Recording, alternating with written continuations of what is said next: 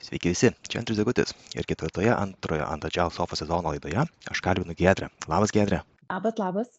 Gedrė kreipėsi kaip mūsų klausytoja ir pasisiūlė ateiti su mumis pašnekėti, tai tikrai smagu, kad kreipėsi, tikrai smagu, kad šiuo metu turim pokalbį. Tai gal pradžiai šiek tiek plačiau apie save galėtum papasakoti. E, tikrai labai buvo smagu klausyti visų jūsų podcastų ir kai išgirdau tokį kvietimą, kad ir kiti gali pasisakyti, tai galvoju, nepraleisiu progos. O aš esu iš IT įmonės, tarptautinės, tai va, jūsų temos yra tikrai aktualios irgi man pasiklausyti, bet pati nesu ta IT išnikė, kuri programuoja ir panašiai. Esu HR ir mano funkcija yra lydinti visą HR komandą ir, ir visą tą funkciją įmoniai. Tai natūraliai susiduriu su Agile, tik šiek tiek iš kitos pusės, kaip galėčiau pasakyti. Puiku, tai šiuo metu turim išsigryninę temą, kuri mano nuomonė labai svarbi ir man labai įdomi. Agile HR ir HR for Agile.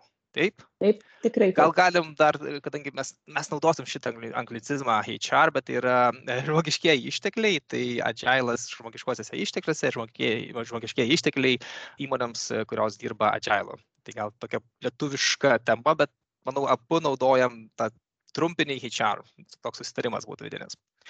Taigi apskritai, kaip šios temos atsirado tavo aplinkoje ir kaip susidomėjo, mes gal, galim nuo to pradėti. Mhm. Tai galbūt tokia reali praktinė istorija buvo kokie 3-4 metai atgal, kada supratom, kaip organizacija iš tikrųjų yra poreikis šitą temą dirbti, kalbėti ir, ir kokie dar poreikiai atėjo iš, sakykime, e, vieno praktinio mūsų susitikimo. Mes dirbame per keturias lokacijas, dažnai iš skirtingų lokacijų vadovai susitinkame vienoje, kad aptarti mums visiems rūpimus klausimus, workshopai ir, ir visa kita. Ir vieno workshopo metu mes turėjome irgi konsultantą iš šono, e, Agile konsultantą, kuris atkeliavo mums papasakoti, kaip mums būti Agile kaip organizacijai visai ir iš tikrųjų jisai mums tą dieną papasakojo bendrinius dalykus kad tikriausiai daugelis žmonių žinote tai yra apie skramą sakykime kaip vykdomas šitas visas procesas cnfn framework ir panašiai. Ir mes visi sėdėjom su visais skirtingais lūkesčiais sakykim kiekvienas pas save ir mes tada supratom kad okei mums matyt reikia pasikalbėti ką mes suprantame žodyje agile kiekvienas iš savo pusės. Nes ceo kuris būtent užsakė šitą programą, jisai galvoja vieną ir tas konsultantas viską padarė tvarkingai iš savo, iš savo sakykime, srities. Bet mūsų IT komandas jau senai tą naudoja, taikė, jie atrodo nieko naujo negavo, jie tikėjosi kažko daugiau giliau. Kiti IT komandose dirbo kanban principu, tai jiem kaip ir nebuvo tas irgi labai aktualu, jie vėl kitokius klausimus kėlė. O kita dalis organizacijos buvo non it komandos kaip mes sakom ne su it dirbančios ir mes kėlėm kitus klausimus mhm. sakom o tai čia dirba jie taip o tai kaip mes ką mes turėtume daryti kitaip kad e, mes galėtume su jais susiderinti tais visais darbais. Ir iš tikrųjų iš čia mums e, atėjo įžvalgos, sakykime, iš tokio praktinio workshopo, kad mes kaip organizacija norime būti lankstesnė, greitesnė, e, adaptuotis prie rinkos, visus tos iššūkius turime. O kaip tą padaryti ir iš skirtingų komandų, tai vad mums gavosi klausimas ir tada pradėjom ieškoti atsakymų, uh, kurių nesuradom taip lengvai galbūt iš karto. Tai va čia atsirado, kad aš kažkurios elementus iš tikrųjų pradėjau iš agile srities naudoti į čarui ir lygiai taip pat žiūrėti, tai ką į čaras gali padaryti organizacijai, kad jinai taptų irgi lankstesnė, sakykime. Mhm. Tai tos va, dvi pusės, dvi temos ir būtų. Viena tikriausiai, kur jau agile HR, tai a, tavo HR komandos a, visa kelionė kaip tapti agile po to workshopo, kur minėjai, o antra HR for agile, kaip va, HR pusė galėtų prisidėti prie įmonės implementacijos prie, prie tų, kur minėjai, kiti skiriai dirba jau agile, tai va kaip HR gali prisidėti prie to. Taip, tikrai taip. Super. Tai gal pradžiai tada nuo tos asmeninės patirties vis dėlto agile for HR. Tai nuo ko prasidėjo kelionė, kaip ir pasakėjai, kad tai buvo lik ir nuo workshopo, bet gal tada ką pirmą pabandėt, kokios išvados buvo po pirmų bandymų, gali apie tą papasakot?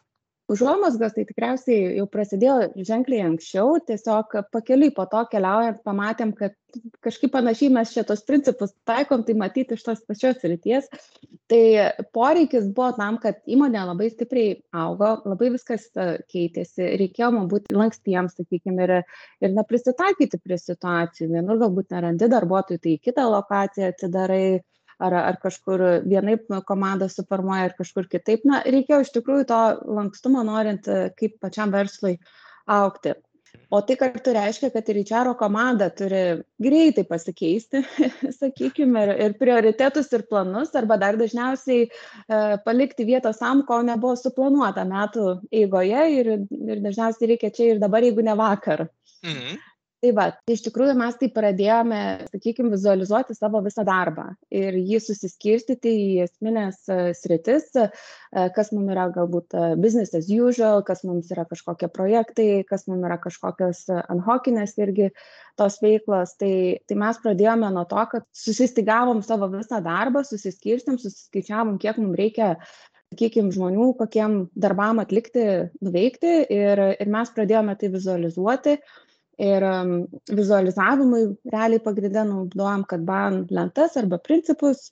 Ir tai jau irgi padėjo sakykim daug greičiau susikalbėti su vadovais ir kitom komandom kur mes esam ir kada mes juos galime sakykim paremti kažkokiom tai funkcijom arba paslaugom ko jie nori arba jeigu mums reikia prioritizuoti tai tada padarom tai visi.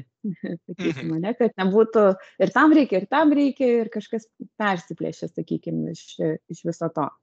Supratau. Tai dirbot kanbanu taip? Taip tikrai taip. Šiai sričiai taip tačiau pamatėm kad iš tikrųjų prie projektinės veiklos mums galbūt patogiau skramas sakykim pasiimti skramo elementus galima net kalbėti apie skrambaną kad irgi taikome kad mes pasiemam trumpą laiko tarpą savaitę dažniausiai ir ir sakykim pasižiūrim ką mes galime susiplanuoti ir nuveikti būtent dėl to projekto paėmus iš beklogo tam tikras užduotis ane ir va ten padaryti irgi kažkurį tai progresą. Bet eičero skyrius galbūt kaip ir kiti e, skyriai įmonės it įmonėse yra suportinis skyrius taip kaip teisė finansai marketingas galbūt css mes didesnę dalį turėsim business as usual užduočių, vadinasi, visiškai projektui negalime skirti šimtų procentų. Mhm. Tai mes turime prisitaikyti, kad kažkokia mažesnė procentinė dalim iš tikrųjų prisidėsime.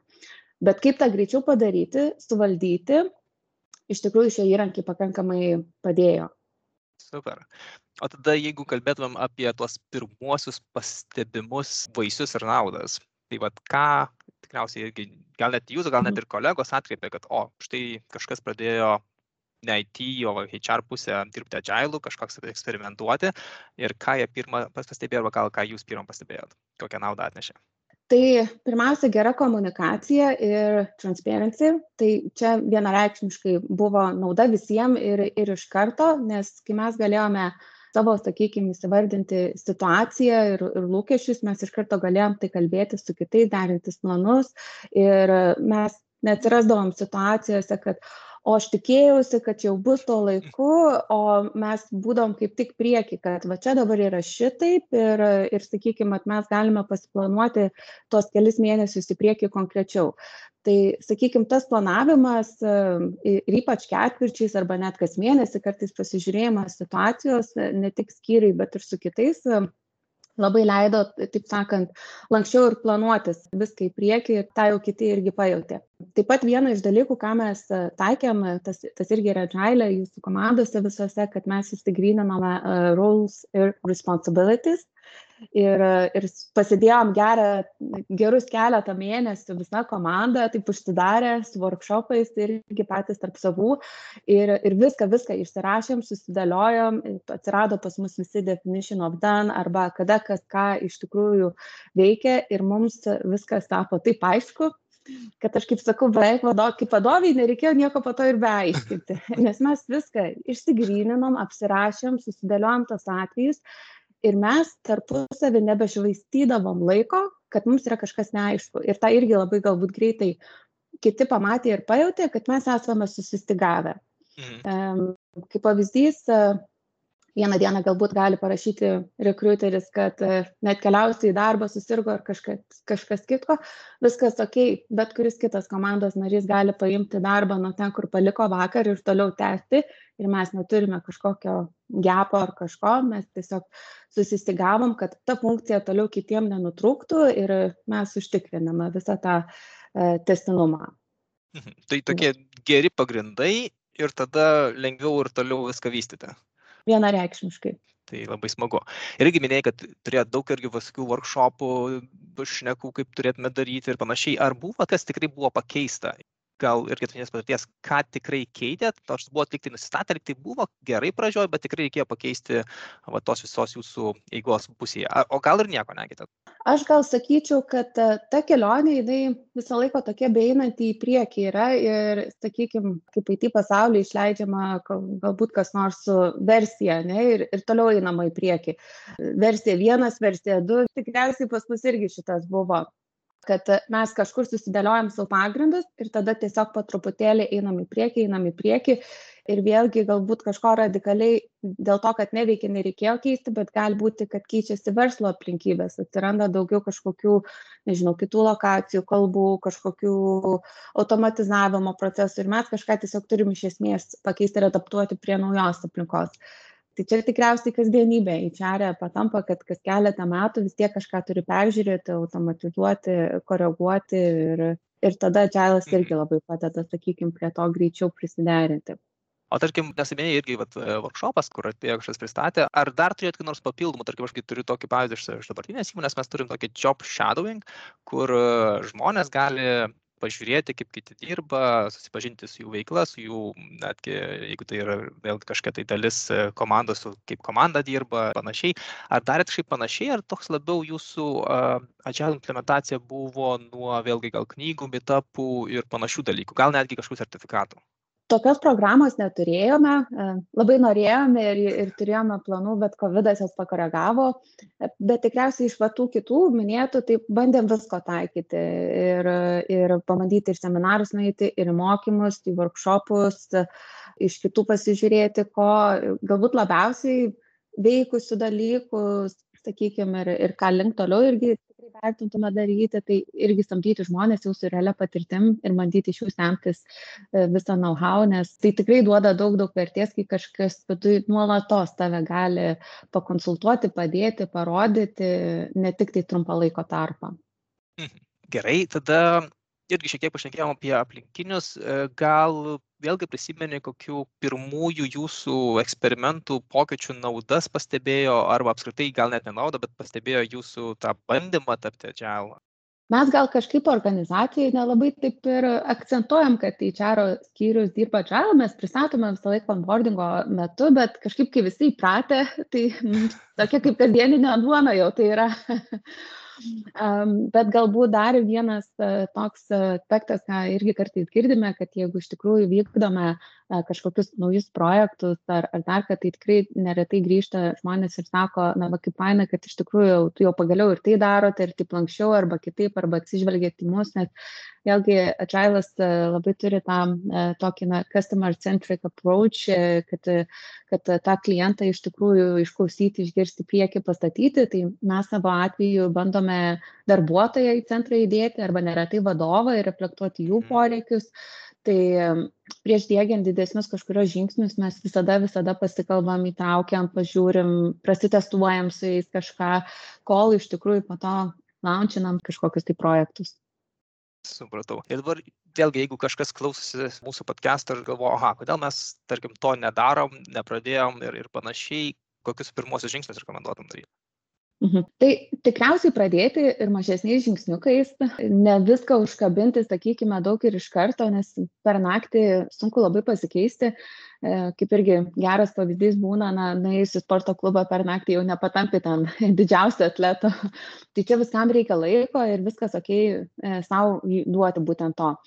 Galbūt kaip atstovė ne iš visiškai IT komandų, sakykime, man labai geras patarimas būtų tai, kad nebūtina viską, viską implementuoti iš to, kaip dirba IT komandos, ne, visiškai perimti galbūt skramą ar kažką kitką. Yra viskas gerai, suprasti, kad tu dirbi kitaip, bet tikriausiai va ta gera pradžia iš tikrųjų suprasti ir išsianalizuoti. Tai kaip dirba mūsų skyrius, koks pas mus yra balansas, ar mes daugiau operacijas vykdom, ar daugiau projektinę veiklą, ar mes turime kažkokį tiesiog e, kelių metų projektą ir mums reikia kitaip visą tai pasižiūrėti. Tai, na, išsiaiškinti tą visą kontekstą ir suprasti, e, kaip prie jo mes galime dirbti. Agile lygiai taip pat yra nemažai įrankių ir galima jų daugiau pasinagrinėti, kokie įrankiai gali mum padėti. Kaip pavyzdys, galbūt kanbanas irgi tiks ir, sakykime, retrospektyvas bus tas aha, kur atneš labai naudos, sakykime, komandai, nes pagerės komunikacija, naujas idėjas ir visa kita. Tai kiekviena komanda gali, sakykime, savų turėti dalykų.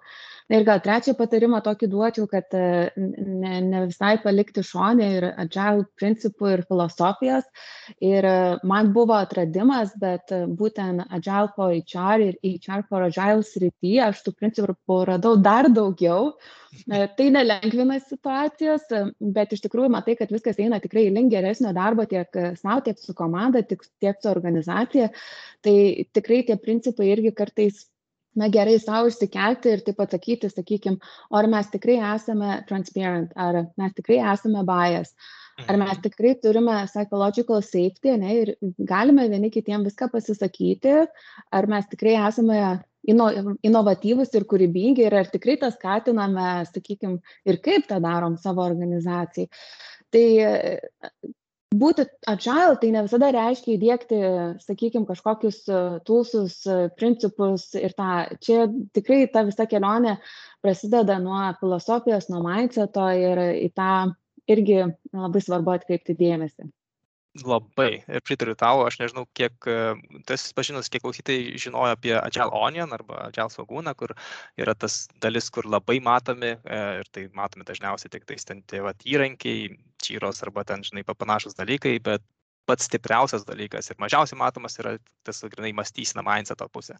Tai jeigu kas e, niekada nematė Agile Oniono, tikrai siūlau pasieškoti internete toks irgi akių atverimas kartais būna, kai matai, o viskas vizualizuota ir, ir kaip ir suprantama viskas. Super. Aš dar noriu pasiklausti, o tarkim, iššūkiai, kokius, kokius vat, iššūkius, tokius pradinius pastebėjai arba gal netgi tuos didžiausi, kurie įsiminė, gal net ne visi iššūkiai dar yra išspręsti, bet va tokie, kurie tikrai įsiminė, gal gali juos papasakoti. Mhm. Vėlgi tikriausiai kiekviena organizacija gali su skirtingai susidurti, bet uh, mano roliai galbūt ir kai mes uh, va šitą kaip didesnę komandą bandėm įsidėkti, tai iš tikrųjų buvo galbūt truputėlį jungti stopą ir pasakyti ne kitiem, kitiem darbam ir kitiem projektam ir pasakyti, mes dabar komanda einam susistiguoti. Ir čia dabar yra mūsų laikas tai tai sakykim tam reikėjo truputėlį ir pasiderėti ir pastovėti tą bet tai yra labai sveikas dalykas nes tai iš išugdo toliau ir planavimą ir prioritetų sudėliojimą ir ir tiesiog manau kad pakankamai reikalingas kartais dalykas Mhm. yra susistyguoti komandai kad jau po to galėtum kitiem atlikti visą reikiamą darbą. Mhm. ir ir tikriausiai galbūt planavimas irgi va tas vėlgi savotiškai kartais pasakyti ne kai kuriem dalykam kad nu nepadarysime mes dabar kitaip a, sakykim nežinau kiek tai yra agile ne iš operacinės tos dalies bet daugiau tokios menedžmento visos tos dalies bet tai vėlgi yra svarbu valdyti komandos krūvį. Visi norime visų darbų nudirbtų ir anksčiau negu deadline'as. Em, bet man atrodo, kad yra labai svarbu nedeginti komandos su viršvalandžiais, su krūviu arba nereikalingu stresu. Jie savaime visada norės ateiti ir atlikti darbą gerai, jeigu jais pasitikė. Tai Mm. vadinasi, reikia tik susiplanuoti laiką visą tą gerai ir gerai iškomunikuoti, susidėrėti. Čia tik kaip investicija apie pirmą dalį, kur minėjai, kad vis dėlto reikia kažką tai pasakyti kažkam ne, kad galėtume mes kaip komanda susitikuoti, kad nu, dabar gal ir negalim visko priepti, bet kai jau susitikuosim, tada jau pamatysi tą skirtumą ir kiek mes galim viską geriau daryti ateityje. Super. Asmeniškai man tikrai buvo įdomi ši tema ir tavo pasakymas, bet kol dar turim šiek tiek laiko, gal galim tada pasižiūrėti į tą kitąją temą, kur mes pačioj pradžioj paminėjom, tai yra HR for Agile ir gal tada gali labiau ją papasakot nuo pagrindų, e, kaip Mhm. susidomėjai šitą dalim? Na, čia yra šviežia dalis, tai iš HR atstovų pasaulyje tikriausiai irgi neretai jau jie pradeda domėtis ir mums čia naujiena vyšnė ant torto yra, kiek jinai yra šviežia, tai jeigu Agile manifesto, kada prieš gerus 20 metų, sakykime, atsirado, tai um, Agile for HR gal kažkur, va, taip geri 5-7 metai jau kažką mes matome, sakykime, iš tokių realių praktikų, tai va tokių jau ką HR iš tikrųjų gali padaryti agile organizacijom, kuo mes galime padėti, nu, nu aš gal iki penkių metų galbūt kažką varandu tokio. Tai mums, mūsų terminais, yra labai šviežia tema. Mhm. Um, o kas tai yra, sakykime, tai, na vėlgi, agilas tai nėra vien tik tai IT komandų darbas. Jeigu jų yra daugiau, jeigu organizacija tikrai yra IT, tai vadinasi yra ir visų kitų, sakykime, dar aplinkui skyrių, e, jie dirba kitaip ir, ir va čia atsiranda, sakykime, tas iššūkis, o kaipgi padėti jiem ir kaipgi sudėlioti įmonės, e, sakykime, e, žmonių procesus, kad jie iš tikrųjų reflektuotų tai, kokia nori būti organizacija. Ar jinai nori e, turėti didelį tą skaidrumą, ar jinai nori būti auganti, ar jinai nori būti inovatyvi, ar jinai nori būti žmogo orientuota. Ir mes galime girdėti istorijų, kaip e, galbūt dideliuose korpuose, sakykime, yra didelės formos, e, kur reikia užpildyti performance management anketą, tai gal mes agile organizacijai galime tai kitaip kažkaip e, sudėlioti. E, Tai, tai va, tai būtent įčaras padeda organizacijai patapti link to ir tai gali būti daug aspektų. Mūsų visi įčariniai, kuriuos jau minėjau, be viso to lygiai taip pat organizacinė struktūra, rolės, pasiskirstimai, biudžetavimo procesai, galų gale tai yra pokytis, pokytis žmonėm ir tikriausiai čia didžiausias būna sunkumas, nes e, techninius aspektus sudėliot būna kiek lengviau, o, su pokyčiais iš tikrųjų tenka, tenka pakeliauti ilgiau. Supratau. O tada jeigu vis dėlto kažkas, o, sudomėjo, tai kur, nuo ko pradėti, kaip, kaip atrasti tą informaciją, kur pasidomėti, ar mes turim kažkokius tai mitapus, ar mes turim kažkokius tai, ar tai vis dėlto vien, vien tik tais e, užsienio literatūra, ar kažkokie dalykai, ar kažkas vyksta ir Lietuvoje apie tai. Na, dar kol kas Lietuvoje nevyksta labai daug. E, Tikriausiai aš viena esu iš, iš, iš tų pirmų, kuri daugiau kalba, bet yra tikrai ir kitų jau HR iš IT įmonių, kurios irgi vis laiks nuo laiko iš tikrųjų išlenda į viešumą su vienais ar kitais elementais. Tai, tai sakykime, natūraliai galbūt daugelis IT komandų jau ir kartu HR keliauja link to, bet dar tokios bendruomenės mes čia neturim. Tai tos bendruomenės dėja kol kas yra tik tai užsienį, bet e, labai tikiuosi, kad ir mes Lietuvoje greitai čia atsirasim, kažką susikursim, įsidėksim ir, ir tikrai ne, neatsiliksim labai toli nuo užsienio. O tarkim, kažkiek jau paminėjai, bet gal galėtumėm ir žvelgti plačiau, kokias temas paliečia va, šita dalis HR for Agile. Na, tikrai, tikrai pagrindinės praktiškai visą laiką bus, sakykime, tikslų dėgymas organizacinės struktūros ir pagrindiniai procesai, kaip vyksta iš tikrųjų įmonės verslo krypties projektų planavimas ir budžetavimas. Tai čia kūrybę pajudinti labai greitai atsiduri į šitus. Tai va, tai, tai čia jie ir kiekvieną atskirai galima skaidyti ir kartu bendrai galima paimti. E, tada šiek tiek į šoną keliaujant performance management ir compensation ir benefits irgi atsiranda, sakykime, kaip tokias temos, kur jau galima galbūt ne iš esmės keisti procesą, bet pažiūrėti, kaip jį palengvinti, kad jisai būtų lankstesnis ir labiau tinkantis, sakykime, čia ir dabar. Ir, ir, ir tikriausiai būtų nu, kultūra, vėlgi, vertybės, learning, ar mes tikrai besimokanti organizacija. Tai, nu, tokių, sakykime, praktinių iš tikrųjų atvejų galima išvardinti. Na, jie kaip ir skamba kaip ir dabartinės personalo, sakykime, temos, bet jeigu žiūrime jų praktinį gyvendinimą, tai mes galime matyti jau kitokių elementų. Na, sakykime, galbūt jeigu kas nors smart vadovaujasi ir pradeda dirbti su aukiarsais, tai mato kaip diena ir naktis skirtumą, sakykime bet čia yra labai teisingai pasakyta kad gali tai atrodyti iš žodinės arba tekstinės kad tai yra labai panašu bet praktinė dalis va čia kur pasirodo jau tikrai dideliai skirtumai ir tada jau reikia vėlgi eksperimentuoti bandyti iš to mokytis ir tobulėti Super, ačiū labai. Gal nebent tik keli paskutiniai tavo pastebėjimai arba norai kažką daugiau pasakyti apie vieną iš tų dviejų temų, kurias mes šiandien apžvelgiam? Tai tikriausiai galbūt paraginimas būtų ne ne vien tiktai eičerams bet kitiem būtent darbuotojam ir skyriam savo srities atstovam ir specialistam kurie ne it pasauly dirba iš tikrųjų nebijoti pabandyti viso to. Tai tikrai ne taip baisu ir tikrai smagu sakykim tuo visu pakeliauti nes man irgi kažkada atrodė kad nu jau čia mes tikrai negalime būti agile skyrius lankstus ar ar visa kita o po to keliauji keliauji ir pamatai kad jau kažkaip ir gavosi to gero kelio nueita. Tai naudos tame yra, galima pradėti mažais žingsniukais, kiek yra patogu, komfortabilu ir tikrai netai baisu. Tai verta pabandyti ir tikrai matau vis daugiau, kad ir, ir marketingas, ir finansai, ir teisė vis daugiau pradeda iš tikrųjų žiūrėti ir matyti tų aspektų, kaip jie gali dirbti geriau ir sklandžiau, kad prisitaikyti prie organizacijos. Labai puikiai pasakyta. Gal dar va tokį vieną papildomą klausimėlį, nes irgi kai kurie klausytojai irgi užklausė, o tai kaip čia dabar va, ateiti pas jūs ant Agile Sofas pasėdėti ir pašnekėti, gal gali pasidalinti savo patirtimi, ar tikrai taip, nežinau, buvo baisu, sunku, nepatogu ir panašiai? Tikrai ne. Didžiausias sunkumas buvo nuspręsti parašyti ar ne laišką.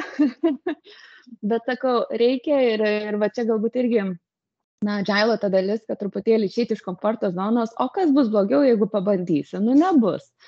Tai gal kaip tik rasti ir ir bendraminčių ar ar kažkokią kitokią nuomonę. Tai kaip tik yra verta kažką pabandyti išbandyti. Tai visus rekomenduoju iš tikrųjų kreiptis. E, andrius tikrai viską puikiai sumoderuos ir sukuruos ir įdomu būtų išgirsti iš kitų iš tikrųjų tas praktikas kaip jie gyvena kaip jie kažką taiko kitokio nes manau kad čia yra tas tikrasis ir gyvas know how sharing ne vien tiktai iš knygų ar ar ar straipsnių o būtent iš realių žmonių praktikų ir ir po to galima tikrai linktinuose susirasti kažko pasiklausti. Ir ir taip greičiau lietuvos ta visa community irgi kils sakykim. Tai rekomenduoju visiem kreiptis Tai šiandien tiek, tikiuosi tau, Gedrė, buvo įdomu. Tikrai taip. Tikiuosi ir kitiems klausytojams bus įdomu. Tai vėlgi, jeigu turite komentarų, norite kažką paklausti Gedrės arba manęs, susiekit su mumis, aš paliksiu ir Gedrės kontaktus LinkedIn. E. Ir šiandien ačiū tau, Gedrė, geros dienos, klausytėm gerą klausimą, kitų mūsų podcastų ir iki kitų kartų. Ačiū tau taip pat.